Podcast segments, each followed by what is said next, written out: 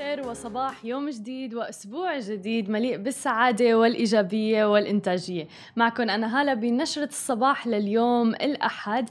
اليوم البرنامج برعاية دبي لينكس ملتقى المبدعين في المنطقة العربية.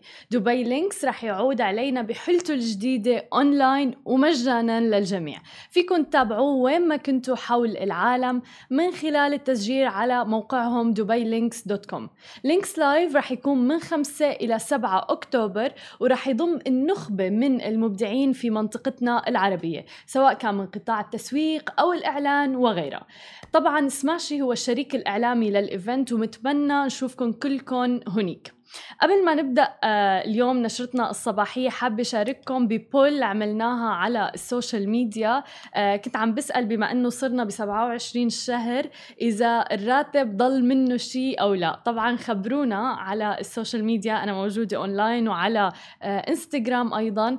إذا ضل شيء من راتبكم أو لا بما إنه صرنا ب 27 شهر رح شارككم النتائج اللي وصلتنا. أنا ما كان ما صار لي تقريبا نص نص ساعة إلى 45 دقيقة منزلة ال poll. شارك فيه تقريبا 150 شخص.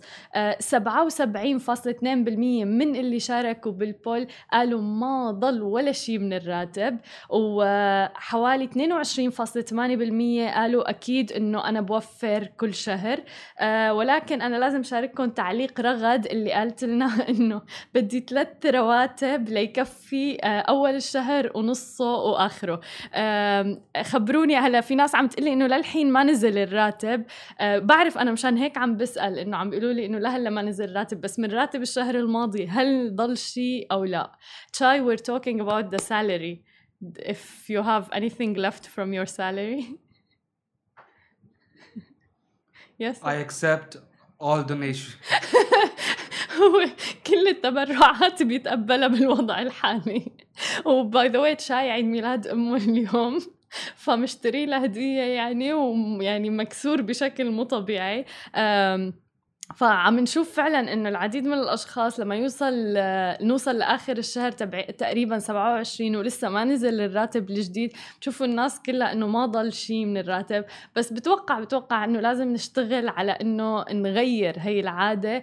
وأول ما يجي الراتب نحط مبلغ بال saving account تبعنا ونعتبره يعني مبلغ ميت تماما. ما ما نلمسه ولا بأي شكل من الأشكال. آه في ناس هون عم بتقول إنه ب 28 بينزل الراتب. آه أنا عم بحكي تحديدا عن الراتب آه في شخص كتب لي إنه على إنستغرام لايف إنه لا من الشهر الماضي خلص من تاني يوم. وهي المشكلة بصراحة اللي عم اللي عم بتصير مع العديد من الأشخاص إنه آه، بينزل الراتب وبصيروا الناس مباشرة آه، يدفعوا أقساطهم سواء كان أقساط البيت أقساط المدارس إذا في أطفال وغيرها من الأمور. ففعليا بينزل الراتب فجأة بتلاقوا إنه ما ضل منه شيء آه لذلك مهم إنه الواحد فورا ومباشرة إنه يشيل مبلغ على جنب لل saving account تبعه وما يدقره ويعتبره ميت تماما. خلينا ننتقل لأول خبر معنا لليوم عن السعودية وأنا كل ما طبعا تعطوني comments آه أو غيرها رح شارككم إياها وأقرأ لكم إياها لأنه فعلا آه، حلوين كتير. آه، بس خلينا ننتقل لأخبارنا لليوم. أول خبر معنا عن السعودية حيث قال وزير السياحة السعودي أحمد الخطيب لوكالة الأنباء رويترز أن المملكة العربية السعودية بتعتزم استئناف إصدار التأشيرات السياحية بحلول مطلع العام الجديد يعني 2021 وذلك بعد شهور من التعليق وسط قيود حكومية مشددة. طبعا لمكافحة انتشار فيروس كورونا. وبتهدف السعودية اللي فتحت أبوابها أمام السائحين الأجانب تحديدا كان بسبتمبر أيلول 2019 بتدشين نظام جديد للتأشيرات للزائرين من 49 بلد لإسهام طبعا القطاع بنسبة 10% من الناتج المحلي الإجمالي بحلول عام 2030 وأغلقت السعودية حدودها أمام الحجاج وأيضا السائحين الأجانب من 25 دولة على الأقل بسبب فيروس كورونا وحظرت في مارس آذار كل السفر من وإلى السعودية. وقال الخطيب أنه قطاع السياحة تضرر بشدة ومن المتوقع أن يشهد تراجع بيتراوح ما بين 35 و 45% بحلول نهاية عام 2020 ولكن مثل ما شفنا أيضا أنه كان في تركيز كبير على السياحة الداخلية خلال الصيف اللي خفف شوي من الضرر. وأضاف أيضا أنه هي الجائحة خطر ممنهج أصاب الجميع. وفعليا هو أصاب جميع قطاع الطيران حول العالم والسفر والسياحة. ولكن بالسعودية شهدوا صيف قوي للغاية بعد فترة الإغلاق ما بين يناير ومايو. رصدوا نمو ب 30% على أساس سنوي في السياحة الداخلية واللي هو فاق كل التوقعات. وساعدت حملة الصيف بالسعودية على زيادة متوسط معدل الإشغال في الفنادق إلى 80% تقريبا. وروجت هذه الحملة لعشرة مقاصد سياحية من شواطئ وغابات إلى طبعا قمم جبلية ومناطق تاريخية كي يقوم المواطنون وحتى المقيمون بزيارتها بدلا من قضاء الإجازة خارج البلاد. وفعلا هذا الترند اللي شفناه بقطاع السياحة حول العالم بسبب تعليق الطيران. انتشار فيروس كورونا للأسف تأثر يعني قطاع الطيران والسياحة والسفر بشكل كبير وكانت من أكثر القطاعات تضررا. ولكن شفنا أنه في ارتفاع أكبر بالسياحة السياحة الداخلية بالبلدان حتى بدولة الإمارات العديد من الأفراد صاروا يروحوا على أماكن مثل آه، الإمارات الشمالية سواء كان رأس الخيمة وغيرها. بسبب إنه ما فيهم عم بيسافروا إلى بلدان أخرى. أما إذا بدنا ننتقل إلى عالم التكنولوجيا فتحديدا يوم الخميس حطم صاحب التعليق الصوتي الشهير البريطاني ديفيد أتنبرغ الرقم القياسي اللي سجلته سابقا. الممثلة الأمريكية جينيفر أنستون على إنستغرام بمليون متابع خلال خمس ساعات. في حين هو جذب أكثر من أربع ملايين متابع بعد ما عمل حسابه على منصة إنستغرام. ووصل عدد المشاهدات لأول فيديو إله إلى أكثر من 16 مليون متابع تقريبا و16 مليون views أعلن طبعا جينيس للأرقام القياسية في بيان عن تسجيل ديفيد أتنبرغ رقما قياسيا بجذبه أكبر عدد متابعين على انستغرام بهذه السرعة اللي ما كانت مسبوقة من قبل. بيأتي ذلك مع انضمام المعلق البريطاني ديفيد أتنبرغ تحديدا يوم الخميس إلى منصة انستغرام بافتتاح حساب له على هذه المنصة للمرة الأولى.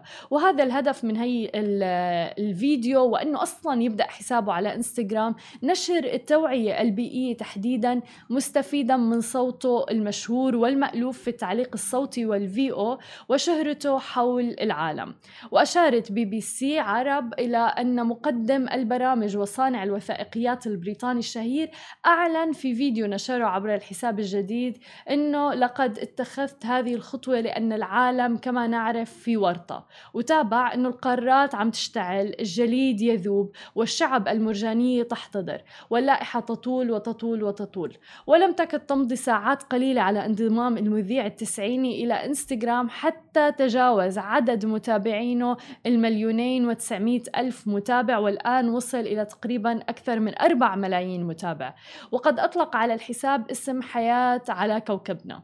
وخلال ساعات الخمسة الأولى من نشر صورة بتجمعها بزملائها السابقين مثل ما بنتذكر بفريندز حصد جينيفر أنستون نحو مليون متابع. فيما حصد أتنبرغ العدد ذاته ولكن خلال أربع ساعات فقط من موعد نشره لتسجيله أو الفيديو الأول له.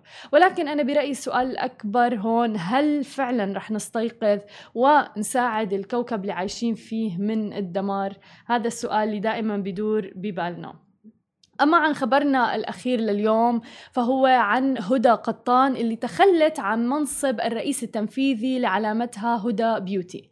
مساء أمس أعلنت هدى قطان عبر اليوتيوب أنها تنحت عن منصب الرئيس التنفيذي لتستلم المنصب ناتالي كريستو بعد سبع سنوات منذ إنشاء علامتها التجارية هدى بيوتي اللي معروفة طبعا بالمنتجات التجميلية مثل الرموش الاصطناعية والمكياج وغيرها هدى قطان بدأت مسيرتها ببلوج فقط عبر الإنترنت. طبعا كان عن الأمور المتعلقة بالجمال إلى أن صاروا الناس يسألوها عن نصائح كيف يحطوا مكياج عن الرموش الاصطناعية وغيرها. ودفعتها أختها منى قطان تحديدا إلى البدء بإنشاء علامتها التجارية وقالت إنهم ترجوا سيفورا لبيع منتجاتها هناك. وفعلا كان الافتتاح بفرع سيفورا دبي مول عام 2013 ولاقى نجاح هائل جدا منذ البداية بسبب شهرتها الأساسية من ال blog ال blog اللي كانت عاملته وال social media.